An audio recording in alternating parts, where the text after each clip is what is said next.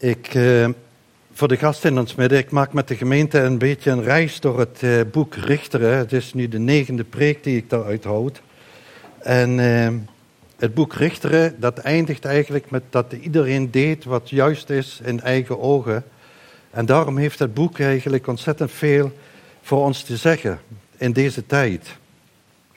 En we zijn nu aangekomen bij het leven van Simpson. En Simpson is de laatste richter die door God wordt aangewezen, of die in het boek wordt genoemd.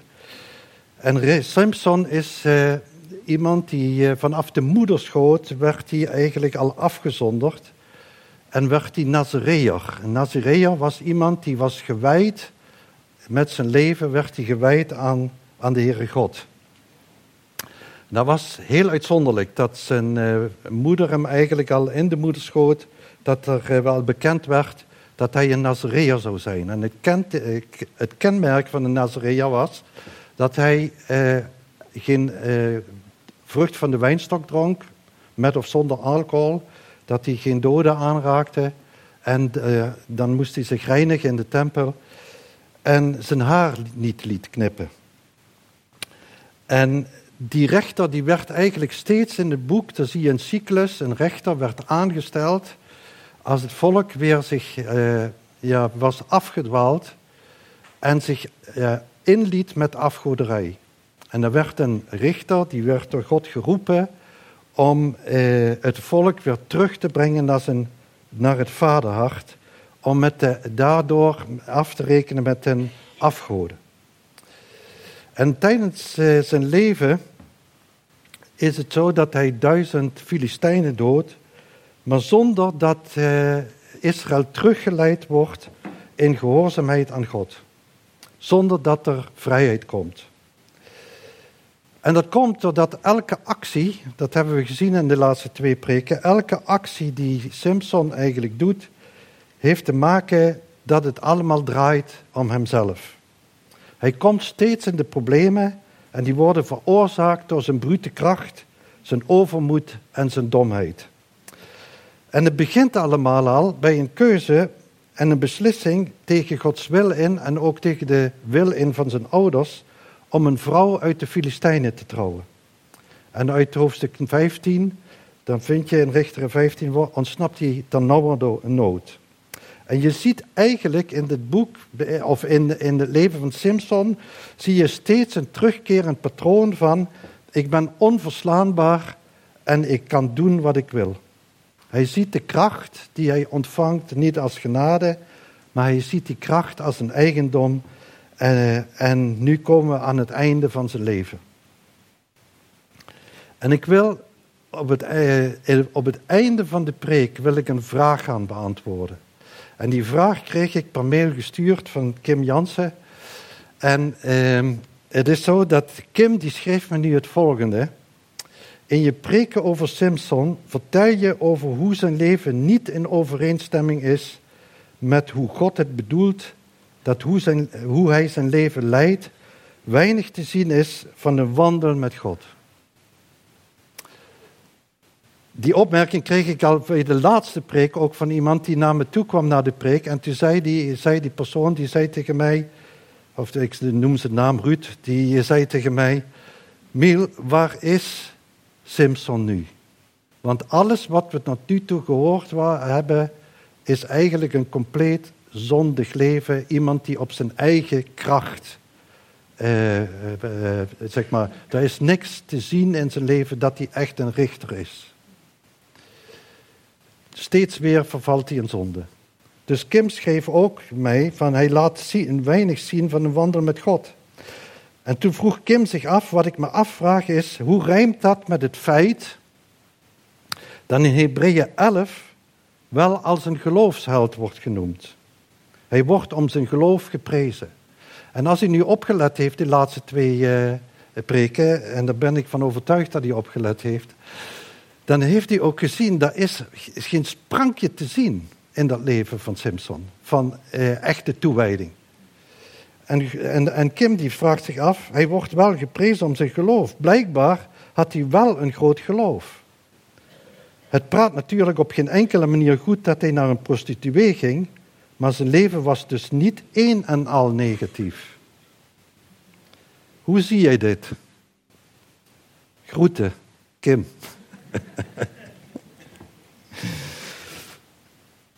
en ik wil graag met u een gedeelte lezen uit Richteren 6, vers 22 tot 31. En dan zal ik bidden voor wijsheid, want het is een hele, hele goede vraag. En dat uh, houdt in dat je dus ook een heel goed antwoord moet geven. Op hele goede vragen moeten hele goede antwoorden komen. Richteren 16. Daar gaat het over het einde van het leven van Simpson en dan lees ik vanaf vers 22. Of eigenlijk eh, vers 21 lees ik mee van Richteren 16. Het is namelijk zo dat de Filistijnen die grijpen hem. Zijn haar is afgeknipt, daar komen ze dadelijk op terug. Toen grepen de Filistijnen hem en staken hem de ogen uit. En ze voerden hem af naar Gaza en bonden hem met twee bronzen kettingen. En hoe vernederend kan het zijn? En hij maalde meel in de gevangenis. Dat is eigenlijk wat hij gaat doen in de gevangenis. Ik, moet ik heb me daar iets onder voorgesteld dat hij zo'n molensteen, waar normaal gesproken zeg maar een paard of een ezel voor gebruikt werd. En uh, daar wordt hij in die, uh, ja, daar wordt, dat is eigenlijk wat Simpson doet. Hij maalde meel in de gevangenis. Maar, altijd als het woordje maar komt, moet hij heel goed gaan opletten. Vooral als er staat maar God, dat staat hier nu niet, maar als er staat maar God, moet hij maar eens een studie over doen, is indrukwekkend. Maar, het haar van zijn hoofd begon weer te groeien, zoals toen hij geschoren werd. En de Filistijnse stadvorsten verzamelden zich om een groot offer te brengen aan hun god Dagon en om vrolijk te zijn. En ze zeiden, onze God heeft onze vijand Simson in onze hand gegeven. En toen het volk hem zag, prezen zij hun God. Want ze zeiden, onze God heeft onze vijand in onze hand gegeven. De man die ons land verwoest heeft en die onze gesneuvelde taalrijk heeft gemaakt. En het gebeurde toen hun hart vrolijk was, dat ze zeiden, roep Simpson en laat hem ons vermaken. En ze riepen Simpson uit de gevangenis en hij werd vermaakt en hij vermaakte hen. En ze lieten hem tussen, en ze hem tussen de pilaren staan.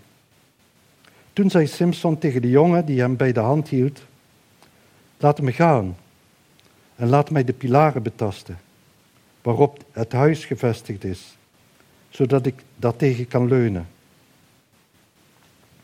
Nu was het huis vol mannen en vrouwen, ook waren alle Filistijnse stadsvorsten daar. En op het dak waren ongeveer 3000 mannen en vrouwen, die toekeken terwijl Simpson hen vermaakte. Toen riep Simpson tot de heren en zei, Heren, heren, denk toch aan mij en maak mij toch alleen nog deze keer sterk, o God, zodat ik met één slag op de Filistijnen zodat ik me met één slag op de Filistijnen kan wreken voor mijn twee ogen. En Simpson greep de twee middelste pilaren waarop het huis gevestigd was en waarop het steunde. De ene met zijn rechterhand en de andere met zijn linkerhand. Vervolgens zei Simpson, mogen mijn ziel sterven met de Filistijnen. Hij boog zich met kracht en het huis viel op de stadvorsten en op het, al het volk dat erin was. En de doden die hij in zijn sterven heeft gedood, waren talrijker dan die hij in zijn leven gedood had. Toen kwamen zijn broeders en heel zijn familie en ze namen hem op, voerden hem mee en begroeven hem tussen Zora en Estaol in het graf van zijn vader Manoach. En hij had twintig jaar als richter leiding gegeven aan Israël.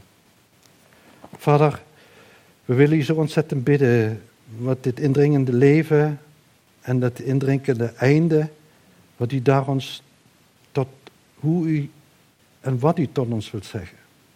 Ik bid, Heer, dat u onze harten opent en dat we echt iets mogen proeven van die genade van uw liefde, maar in bijzonder aan uw trouw. En we bidden zo dat u echt heel persoonlijk, ieder van ons, echt zult aanspreken. Dat we tot besluiten komen om u te volgen, dat u ons meer vormt naar het beeld van uw Zoon Jezus Christus. Amen. Als we dit zo gelezen hebben, wat ging daar eigenlijk aan vooraf? Dat moet je eigenlijk weten. Wat, wat ging daar aan vooraf dat hij zijn haar kwijtraakt? Op het einde van het leven krijgt Simpson een verhouding met Delilah. Dat is een Filistijnse vrouw. En het bijzondere is eigenlijk, ik kijk altijd naar namen, omdat ik altijd geleerd heb dat ook in de namen zit een boodschap. Simpson die betekent eigenlijk kleine zon. En Delilah betekent nacht. En de kleine zon wordt door de nacht verduisterd. En je ziet in Richter 16, vers 4, er staat dat daarna gebeurde het dat hij een vrouw in Sorek lief kreeg en haar naam was Delilah. En die Filistijnse stadvorsten, die benaderen Delilah met de vraag, verleid hem en zie waarin zijn grote kracht ligt. En ze, eh, belonen, ze stellen een beloning in eh, vooruitzicht van 1100 zilverlingen per stadvorst. Ik heb dan eens opgezocht wat dat betekent. Dat is ongeveer 100 jaarlonen per stadvorst. 100 jaarlonen. Dus je, je hebt het over een buitensporige beloning. Maar de vraag is eigenlijk ook, waarom verraadt die Laila haar minnaar? Ik denk dat er twee redenen zijn. De eerste reden is natuurlijk hebzucht. Er speelt hebzucht speelt een grote rol. Ze wordt echter benaderd door stadvorsten. Dat zijn de leiders van de Filistijnen. Haar wordt een kans geboden om rijkdom, macht, invloed en daarmee aanzien te verwerven. En dat alles in één keer. En als je dat gedeelte leest, dan is het eigenlijk belachelijk dat Simpson het allemaal niet in de gaten heeft. Ik denk het wel. De eerste vraag die Delilah aan Simpson vraagt is namelijk zeer doorzichtig. Ze vraagt hem waarmee kun je vastgebonden worden om je te bedwingen. Dus als je zo'n vraag gesteld krijgt, ja, dan is het eigenlijk toch een open boek. Wat de gedachte is. Dat, eh, dat, eh, ja, daarmee leg je eigenlijk al alle kaarten op tafel. Eh, en dan zie je eigenlijk dat Simpson, die begint te liegen. Wat zijn kracht zou wegnemen. En ze probeert het uit, maar dat werkt niet. En dan komt een passage dat Delilah tegen Simpson zegt: Hoe kun je nu zeggen dat je me lief hebt terwijl je hart niet van mij is? Wacht, dat eh, pak ik zo. En ondanks wat hem overkomt, zie je in dit hoofdstuk, in hoofdstuk 16, die eerste 22 versen, zie je dat hij steeds naar haar luistert. En dan eh, is het gewoon zo dat hij ontzettend gevaarlijk spel speelt. Maar hoe komt dat dan? Dat zie je eigenlijk in die vorige hoofdstukken. Hij leeft met de gedachte, ik ben onverslaanbaar en ik kan doen wat ik wil. Hij kikt op gevaar. Omdat de strijd altijd zo is verlopen dat hij overwonnen heeft. Tot drie keer toe liegt hij en dan dreigt Delilah de relatie te verbreken met de volgende woorden. Richter 16, vers 15 tot met 17. Dat kun je laten zien. Daarom zei zij tegen hem: Hoe kun je zeggen, ik heb je lief, terwijl je hart niet met mij is? Je hebt me nu drie keer bedrogen en me niet verteld waarin je grote kracht ligt. En het gebeurde toen zij alle dagen zo met, hem, met haar woorden bij hem aandrong en hem lastig viel, dat zijn ziel het niet langer kon verdragen, tot stervens toe. Toen vertelde hij haar alles en zei tegen haar, er is nooit een scheermes op mijn hoofd gekomen, want ik ben als Nazareër aan God gewijd. Hij is zich dus wel heel erg bewust dat hij een Nazareër is, dat hij vanaf de moederschoot is gewijd, van mijn moeders buik af. Als ik geschoren zou worden, dan zou mijn kracht van mij wijken en ik zou zwak worden en als alle mensen zijn. Hij kon het niet verdragen haar teleur te stellen. Ze, ehm, en ze zeggen eigenlijk tegen elkaar: Ik ben bij jou omdat ik van je hou. Maar ze bedoelen eigenlijk: Ik heb die relatie, daar ben ik eens mee aan de slag gegaan. Wat is hier nu aan de hand in deze relatie? En eigenlijk is de motieven die uh, Samson en Delilah hebben, is: Ik ben bij jou omdat ik zoveel aan je heb. Ik ben er niet voor jou, maar jij bent er voor mij. Weet je, seks en romantiek zal zeker een enorme rol hebben gespeeld, eh, zodat Simpson beter werd in deze relatie. Simpson heeft bij Delilah voor zijn seksuele behoeften en de kick van het gevaar. En zij gebruikt hem om beroemd te worden, om rijk en beroemd te worden. Het is dus duidelijk dat hier een relatie is, dat de hier beide een relatie hebben om te nemen en niet om te geven. Ik mocht een maand geleden, 30 september, mocht ik voorgaan in de prediking bij een huwelijksinzegening van onze oudste kleinzoon en zijn vrouw. En ik heb toen in deze huwelijksinzegening heb ik daarover gesproken. Weet je, gevende liefde is erop uit om de ander gelukkig te maken. En nemende liefde is alleen maar gericht om jezelf gelukkig te maken. En natuurlijk is het zo dat ook bij gevende liefde eigen belang eigenlijk speelt. Want de Heer Jezus die eh, gaf zijn leven ook uit eigen belang. Dat klinkt misschien heel vreemd in de oren. Of de Heer Jezus, wat heeft hij dan voor een eigen belang gehad, de Heer Jezus, toen hij zich eigenlijk onvoorwaardelijk gaf? Hij gaf zijn leven uit eigen belang. Hij had daar ook eigen belang bij, omdat hij een schone, zuivere, smetteloze bruid wilde liefhebben. Hij gaf zijn leven voor de vreugde die voor hem lag. En dat was een bruid die hij zich verworf, al die hem gegeven was, voor de grondlegging der wereld. Maar eigenbelang is iets totaal anders dan egoïsme. Weet u, egoïsme is erop uit eh, om zelf gelukkig te worden, ook als het ten koste gaat van de ander. En hier zie je eigenlijk een relatie tussen Simpson en Delilah die gebouwd is op egoïsme. Niet op eigenbelang, maar ik wil ten koste van de ander, wil ik gelukkig zijn, succes hebben en invloed hebben. En weet u, dat is eigenlijk een van de eerste lessen die we eigenlijk kunnen trekken. Dat je dus zegt van waarop is mijn relatie gebaseerd? Waarop, zeker als het gaat over het huwelijk, waarop is die relatie gebaseerd? Waarom heb je diegene lief omdat hij jou zo gelukkig maakt? Of is het zo dat je zegt nee, ik ben ervoor om die ander gelukkig te maken? En je ziet eigenlijk in het leven van de Heer Jezus dat hij gericht is om zijn bruid, die smetteloze bruid, die uh, hij rein en heilig voor zich stelt, om daarvoor zijn leven te geven.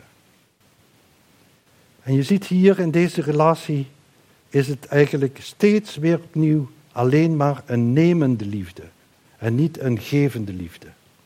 En uiteindelijk zie je eigenlijk gebeuren dat uh, hij zo aan de kop gezeurd wordt dat hij breekt.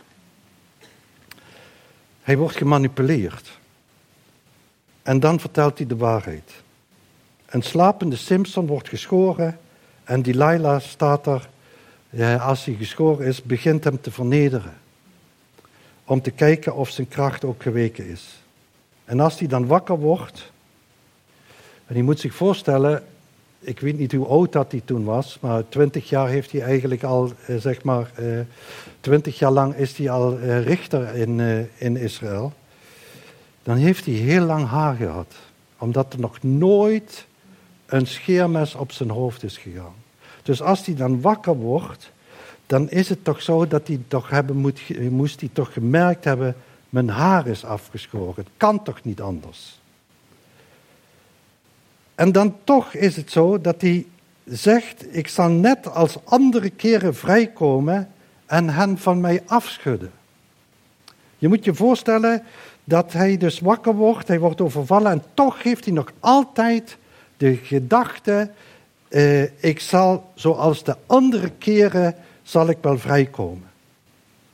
Terwijl hij al lang geleden met die Nazarea-belofte ge, gebroken heeft. Hij heeft al lang geleden zeg maar, een dode lichaam van een dier aangeraakt. Hij heeft feest gevierd met alcohol, zoals de jonge mannen van de Filistijnen dat deden. En hij gaat ervan uit, net als de vorige keren, God had zijn kracht gegeven, waarom nu dan niet? Snapt u? Hij begreep eigenlijk totaal iets niet van genade. Hij dacht dat de gave hem zijn eigendom was geworden. En dat is een grote, een grote valkuil als we denken dat de gaves die God ons gegeven heeft, of het nu gaat om je intelligentie, om je vernuft, om je ervaring, om je gezondheid, om de lichamelijke en geestelijke kracht, om het charisma of de geestelijke gaven, dat zijn alles bronnen waar we uit kunnen putten. Maar die zijn niet je eigendom. En als het altijd goed gaat, als, het altijd, als je altijd succes hebt, dan is het zo dat je altijd denkt dat het toch van jezelf afhankelijk is. Ook in geestelijk werk is dat zo. In het geestelijk werk is de grootste valkuil het succes wat eh, God kan geven in een bediening. Omdat je dan denkt, toch een beetje een bloem op het revers kunt steken. Het is toch allemaal door mij gebeurd. En je ziet eigenlijk hier in het leven van Simpson, ook al zijn er, zeg maar, is er steeds weer genade geweest in zijn leven. Dat God hem steeds de kracht heeft gegeven en zijn leven gered heeft. Denkt hij nu, ik doe het op eigen houtje, het is altijd goed gegaan. En nu zal het ook wel goed gaan. Want het is mijn kracht. Ook al heb ik, zeg maar, doden aangeraakt, ook al heb ik me met alcohol afgegeven, ook al heb ik nu geen haar meer. En dan zie je eigenlijk dat, dat zijn sterkte zijn zwakte wordt. En je ziet eigenlijk dat hij, zoals in handelingen staat, dat hij vergeet dat elke ademteug die we nemen, is door God gegeven. We zijn ons dat niet bewust. Maar elke ademteug die u nu neemt, is door God gegeven. En dan heb ik het niet over alle andere dingen die God geeft. En nu komen we zeg maar aan die vraag. Nu komt het over, als je nu het hele leven eigenlijk bekijkt. En je ziet eigenlijk wat het, het gaat van kwaad naar erger. Hoe kan het dan zijn dat eh, Simpson als geloofsgetuige wordt genoemd? Ik kom nu bij de vraag van Kim van hoe kan dat nou? En weet je, het eerste belangrijke is eigenlijk dat we mogen zien in Hebreeën 11 staan geen geloofshelden. Dat zijn geen helden. Het eerste is dat, uh, ik zie dat ook, Hebreeën 11 heb ik vaker ook soms zo gedacht van dat zijn wel de geloofshelden, onze voorbeelden. Maar als je die rij afgaat, dat zijn geen helden. De mensen die daar genoemd zijn, dat zijn getuigen. Zo staat het er ook, geloofsgetuigen. Getuigen in hun zwakte, in hun zonde. En hoe zouden we het zeggen over het leven van Simpson? Als we naar dat leven kijken en we zien zijn einde, dan zouden we zeggen, geroepen tot aan de moederschoot, vanaf de moederschoot. En nu is dit het einde. Het is eigenlijk, kun je zeggen, een verspild leven geweest. En het is zo diep genade dat dit niet zo is in Gods ogen. Want wat gebeurt er nu eigenlijk? Kijk, de vraag van, uh, van Kim die heeft uh, te maken met Hebreeën 11, vers 32 en 34. Wat, uh, laat die tekst maar even zien. Er staat, en wat zal ik nog meer zeggen? Dat is een hele, Hebreeën 11 gaat over geloofsgetuigen. En dan gaat, zeg maar, de Hebreeën schrijver die laat elke naam de revue, of vele namen de revue passeren. En dan zegt hij op een gegeven moment, wat zal ik nog meer zeggen? Want hij heeft al zoveel voorbeelden genoemd. Want de tijd ontbreekt mij om te vertellen over Gideon. Daar hebben we het over gehad, ook in deze prekenserie. Barak, Simpson, Jefta, David en Samuel en de profeten. Ze hebben door het geloof koninkrijken overwonnen, gerechtigheid in de praktijk gebracht, beloften gekregen, muilen van leven gesloten. Ze hebben de kracht van het vuur geblust. Ze zijn aan de scherpte van het zwaard ontkomen. Ze hebben in zwakheid kracht ontvangen. Ze zijn machtig geworden in de oorlog. In de oorlog legers van vreemden hebben zij op de vlucht gejaagd. En ik wil, dat heb ik ook eh, dik gemaakt, zij hebben in zwakheid kracht ontvangen. Als je in de commentaren namelijk eh, bekijkt over dit gedeelte, eh, over Hebreeën 11, wat er over geschreven wordt, dan zie je dat eigenlijk iedereen is ervan overtuigd dat dit gedeelte, zij hebben in zwakheid kracht ontvangen, dat dat heel specifiek op Simpson eigenlijk, uh, op Simpson slaat. De Filistijnen die grijpen hem, steken hem de ogen uit en hij wordt uh, zeg maar vernederd, aan een bronzen ketting vastgemaakt en hij is in de, in de gevangenis maalt hij meel. En nu komt de echte strijd naar boven. Dat hebben we gelezen. Die echte strijd is eigenlijk, eigenlijk, die strijd gaat niet over Simpson en de Filistijnen. Maar het gaat over Yahweh, de Heer tegen Dagon, de afgod van de Filistijnen. Welke God zal Israël dienen? Daar gaat het hele boek steeds over. Elke keer zie je die golfbeweging van uh, Israël wijdt zich niet aan God en gaat een afgod na. En hier zie je nu uiteindelijk gebeuren dat welke God zou Israël dienen. daar gaat het boek voor over. En dan zie je dat die hele situatie wordt op de spits gedreven, want God was erop uit om strijd aan te gaan tussen de Filistijnen, want zij waren heer en meester. En deze overheersing omvatte onder andere ook afgoderij. En nu lijkt het erop dat Dagon gewonnen heeft. Want ze zeggen, onze God heeft onze vijand in onze hand gegeven. En alle Filistijnse stadvorsten waren bij elkaar. 3000 mannen en vrouwen op het dak die toekeken hoe Simpson hen vermaakte. En Simpson heeft zijn kracht altijd gebruikt om zichzelf te redden. En nu is hij blind in de gevangenis, vernederd en vraagt voor het eerst. Het is het eerste gebed, wat de, eerste keer dat hij bidt, is gewoon een eis aan God. Daar hebben we vorige keer over gesproken. Geef mij te drinken. En nu komt hij, een vernederde man. Iemand die zijn kracht heeft voorspeld. Dan komt hij en zegt, Heere, denk toch aan mij. Denk toch aan mij. Het is voor het eerst dat hij echt handelt uit geloof. En dit gebed, wat hij daar, schrijft, wat daar uitspreekt, uh, dat gebed heb ik in de studiebijbel opgezocht, waar de Hebreeuwse tekst in staat. Niet dat ik het Hebreeuws machtig ben, maar ik kan dan wel in het Hebreeuws zien wat er, welke woorden geschreven zijn en welke woorden daarvoor God genoemd worden. En dan in onze vertaling staat Heere, Heere. Maar toen ik dat opzocht, was me eigenlijk, werd me duidelijk toen Simpson riep tot de Heer en zei: Heere, Heere, denk toch aan mij, wat bij ons in de vertaling met drie keer Heere vertaald werd, zijn drie namen van God, drie verschillende namen van God. Hij roept aan Elohim, Adonai en Yahweh.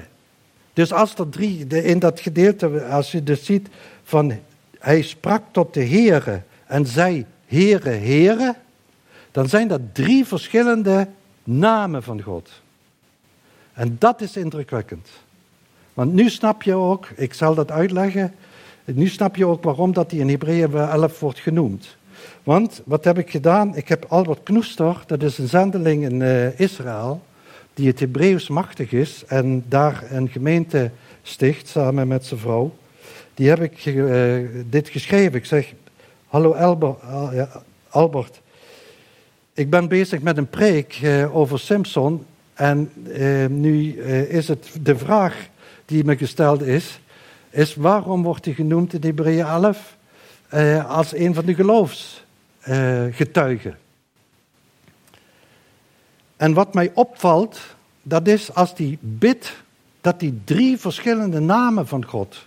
eigenlijk noemt. Hij noemt Elohim, hij noemt Adonai en hij noemt Yahweh, Jehovah. Kun je me daarin verder helpen?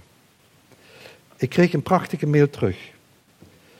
Dat is echt eh, heel mooi. Ik heb daar een paar stukjes van uh, laten zien. Uh, laat maar de eerste zien. Hij schreef me: God, Elohim, heeft te maken met de machtig zijn, sterk zijn. Simpson vraagt God, Elohim, maak mij nog eenmaal sterk. De naam van God heeft de notie van macht van God. In Genesis 1 wordt steeds de naam van God gebruikt. Hier is God de almachtige schepper. In Genesis 1 is die naam Elohim. Dat gaat over de kracht. Je ziet hier dat hij een directe link legt dat de kracht niet meer van hem is. Het is ook geen bezit meer. Hij zegt hier, Heer, u bent de Almachtige. U bent degene die eh, kracht geeft. U bent degene die de aarde geschapen heeft. U bent de Almachtige Elohim. En het bijzondere is dat, eh, dat dit woord in het meervoud is. Dus als in Genesis 1 over God gesproken wordt, is dat een meervoudsvorm. En dat is prachtig om te weten, omdat het gaat over de heilige, de God de Vader, God de Zoon en God de eh, Heilige Geest. Elohim, meervoud. Dus wat hij het eerste noemt is de kracht en de macht van God. Dan zegt hij Adonai. Die eh, dat is een vertaling weergegeven met heren, heren. Met een, eh, hij schrijft daar met kleine e of met dubbele e in onze vertaling. Adonai heeft te maken met heerschappij over de dingen hebben.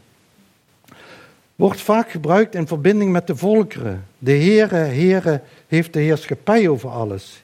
Hier in Israël zeggen we wel tegen mensen die boven ons staan, Adoni. Geen Adonai, maar Adoni. Om hiermee ons respect voor hem uit te drukken, iemand die boven ons staat. Dus de tweede naam die hij noemt, als hij zegt Elohim Adonai, dan zegt hij, Heer, u bent, de, u bent de, zeg maar, de, u heerst over alle volkeren. U heeft niet alleen de macht, maar u heerst ook over de Filistijnen. U heerst over alles. U heeft de heerschappij over alles. En het derde, dat is zo indrukwekkend, dan zegt hij, de derde naam die hij noemt is Yahweh. Yahweh. En dat heeft te maken, dit wordt wel de verbondsnaam van God genoemd. God in betrekking tot de mens en met name met Israël. In Genesis 1, waar het steeds over God Elohim gaat, vanaf Genesis 2 verschijnt de naam Yahweh Elohim. Het wordt persoonlijk. In dit gedeelte wordt namelijk de mens geschapen. Hij is de aanwezige, de eeuwige. Hij is het die er altijd was er is en er zal zijn. Hij kent en herkent en erkent op het einde van zijn leven de absolute soevereiniteit van God. En dat is zo indrukwekkend als je dat zo mag zien, dat dan die, hij zegt, deze God is Yahweh, is de verbondsgod, hij is de reddende God die eh, niet alleen het volk redt, maar hij is ook de reddende God van Simpson. Dat is dus een heel andere persoon die we ontmoeten. Een totaal andere persoon. In de gevangenis, blind, gebroken, meelmalend. En die we nu ontmoeten, is een man die niet meer vertrouwt op zijn eigen kracht. Hij handelt uit geloof. En Hebreeën 11, vers 34 dan, ze hebben zwakheid ontvangen eh, eh, ze hebben in de zwakheid kracht ontvangen. Weet je, Simpson komt tot het inzicht. Het is een inzicht wat, God, wat Simpson ontvangt, is dat God het is die Simpson gezegend heeft. Dat God het is die zo goed is. Dat God het is die zo krachtig is. Dat God het is die hem van de moederschoot heeft afgezonderd. En wat hij dacht recht op te hebben, dat ziet hij nu als genade. Dat God trouw is, trouw aan zijn belofte, trouw aan zijn volk. En het belangrijkste moment in het leven van de Simpson is zijn sterven. De manier waarop hij sterft getuigt het meest van zijn geloof. In zijn dood verplettert hij de vijand. Ik heb de preek genoemd toen ik op het einde was, een overwinnende nederlaag. Een overwinnende nederlaag. Want het deed me toen denken, er zijn heel wat parallellen te zien. Een overwinnende nederlaag, de overwinnende nederlaag der nederlagen, die overwon door te sterven. En dat is aan het kruis gebeurd. Aan het kruis van, van Golgotha vernietigt Christus de Satan. Simpson was afgewezen, verslagen, vernederd, geketend en zo overwon hij. En dat is het evangelie. Dat is het evangelie van Jezus Christus, dat Jezus God zelf zwak werd om sterk te zijn, om ons te verlossen. De geloofsgetuigen, ze hebben in zwakheid kracht ontvangen. En dat is eigenlijk de uitnodiging van vanmorgen. Weet je, de uitnodiging van vanmorgen is eigenlijk, die grote uitdaging in ons leven is, dat we, als je veel capaciteit hebt, als je veel kunt, om zwak te worden. Maar als je niet veel kunt en je denkt eh, over jezelf na en je denkt wie ben ik nu, dan zie je eigenlijk in het leven van Simpson wat hij omarmt. Dat is namelijk God in zijn drie verschillende namen. Elohim, Adonai, Yahweh. En weet je, als ik in, u een uitdaging zou willen geven, en het muziekteam kan al naar uh, voren komen, als ik u een, een uitdaging zou willen geven, dan zou ik u willen vragen om na te denken over hoe moet je Gods genade, hoe kun je Gods genade nu meer vertrouwen in je leven in plaats van je eigen kracht. Weet je, ik ben zo onder de indruk eigenlijk van, uh, het, hele, van, van, van het hele Godswoord. Maar ik ben nu natuurlijk heel intensief bezig met het boek Richteren. Maar dat boek Richteren dat laat me zoiets zien van de trouw van God. Van Gods genade en liefde. Zijn onveranderlijkheid.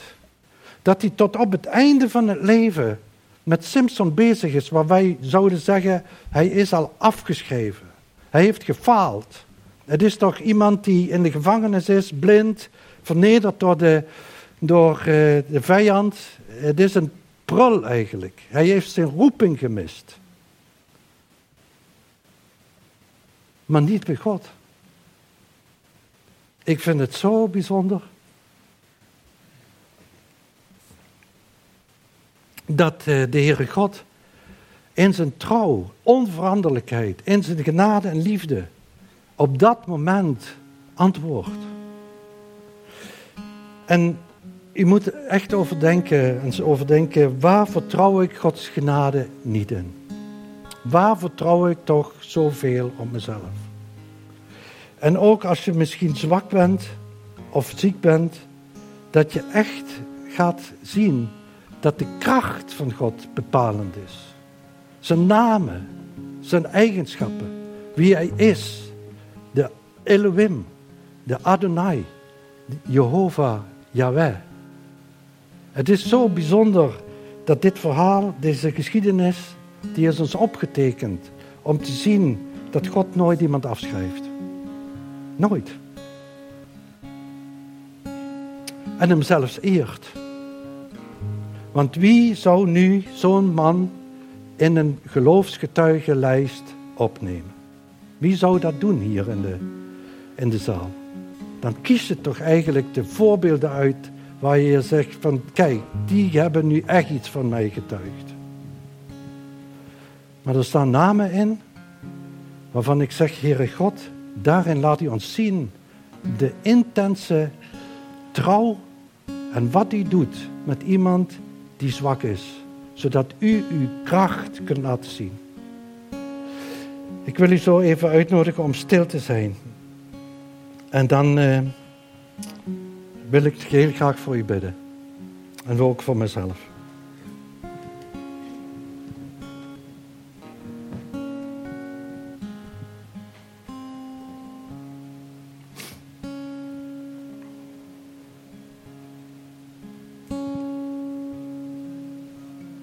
Misschien wilt u al gaan staan. Dat we zo samen gaan staan voor Gods aangezicht.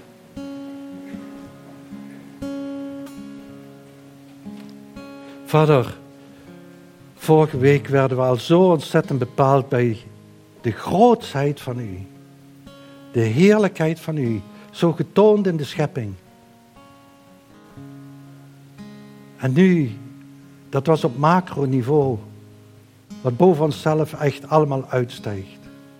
En nu laat hij zich zien in de kleinigheid van een leven, wat wij zouden zeggen, het is mislukt.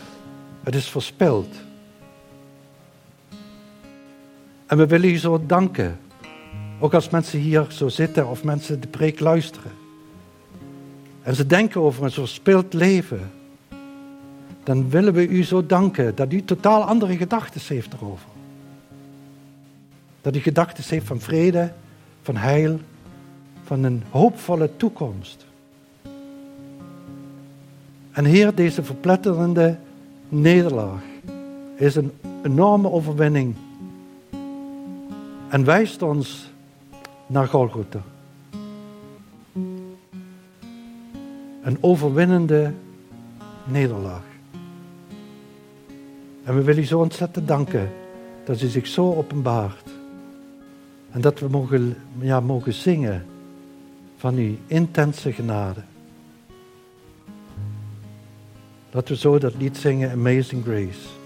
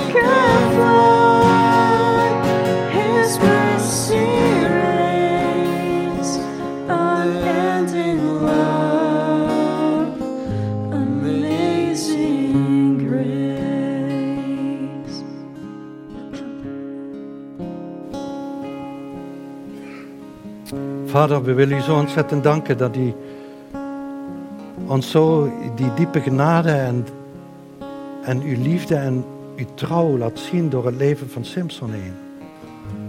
En ik bid voor diegenen die terugkijken op hun leven en sommige momenten onherstelbare en onherroepelijke keuzes hebben gemaakt. En die niet te corrigeren zijn. En we willen u zo danken dat u ook daarin uw genade wil tonen. Uw goedheid. Barmachtigheid. Dat uw trouw zo groot, oneindig groot is. Omdat u oneindig groot bent. U heeft geen begin en geen einde. En daarom heeft uw liefde en genade en uw trouw geen begin en geen einde. En zo willen we deze dienst ook echt afsluiten. Dat we ons onder die zegen van u stellen. Als gemeente, als de kinderen, voor degenen die thuis zijn. Dat we zo deze week in mogen gaan met de zegen van de Heere God. De Heere die zegene u en behoede u. De Heere doet zijn aangezicht over u lichten en zij u genadig. De Heere verheffen zijn aangezicht over u en geven u vrede. Amen.